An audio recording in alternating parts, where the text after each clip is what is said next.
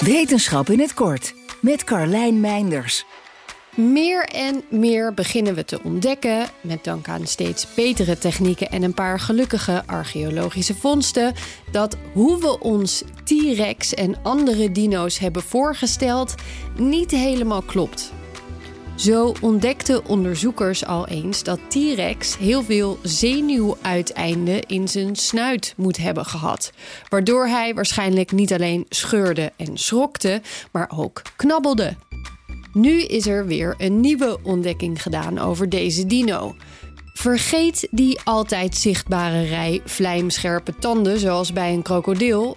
T-Rex had waarschijnlijk lippen, net als een hagedis.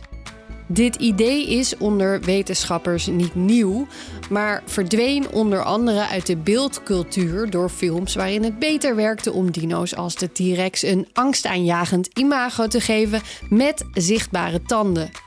Er was ook nooit eerder een onderzoek gedaan dat voldoende uitsluitsel kon geven.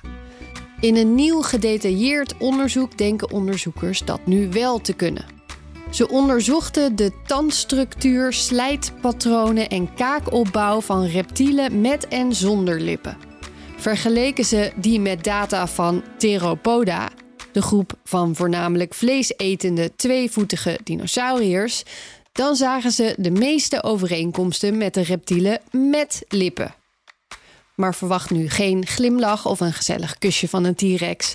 De lippen waren waarschijnlijk net als bij hagedissen niet gespierd. Ze bedekten de tanden, maar konden niet onafhankelijk bewegen.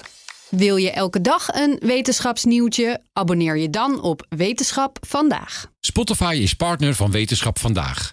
Luister Wetenschap vandaag terug in al je favoriete podcast-apps.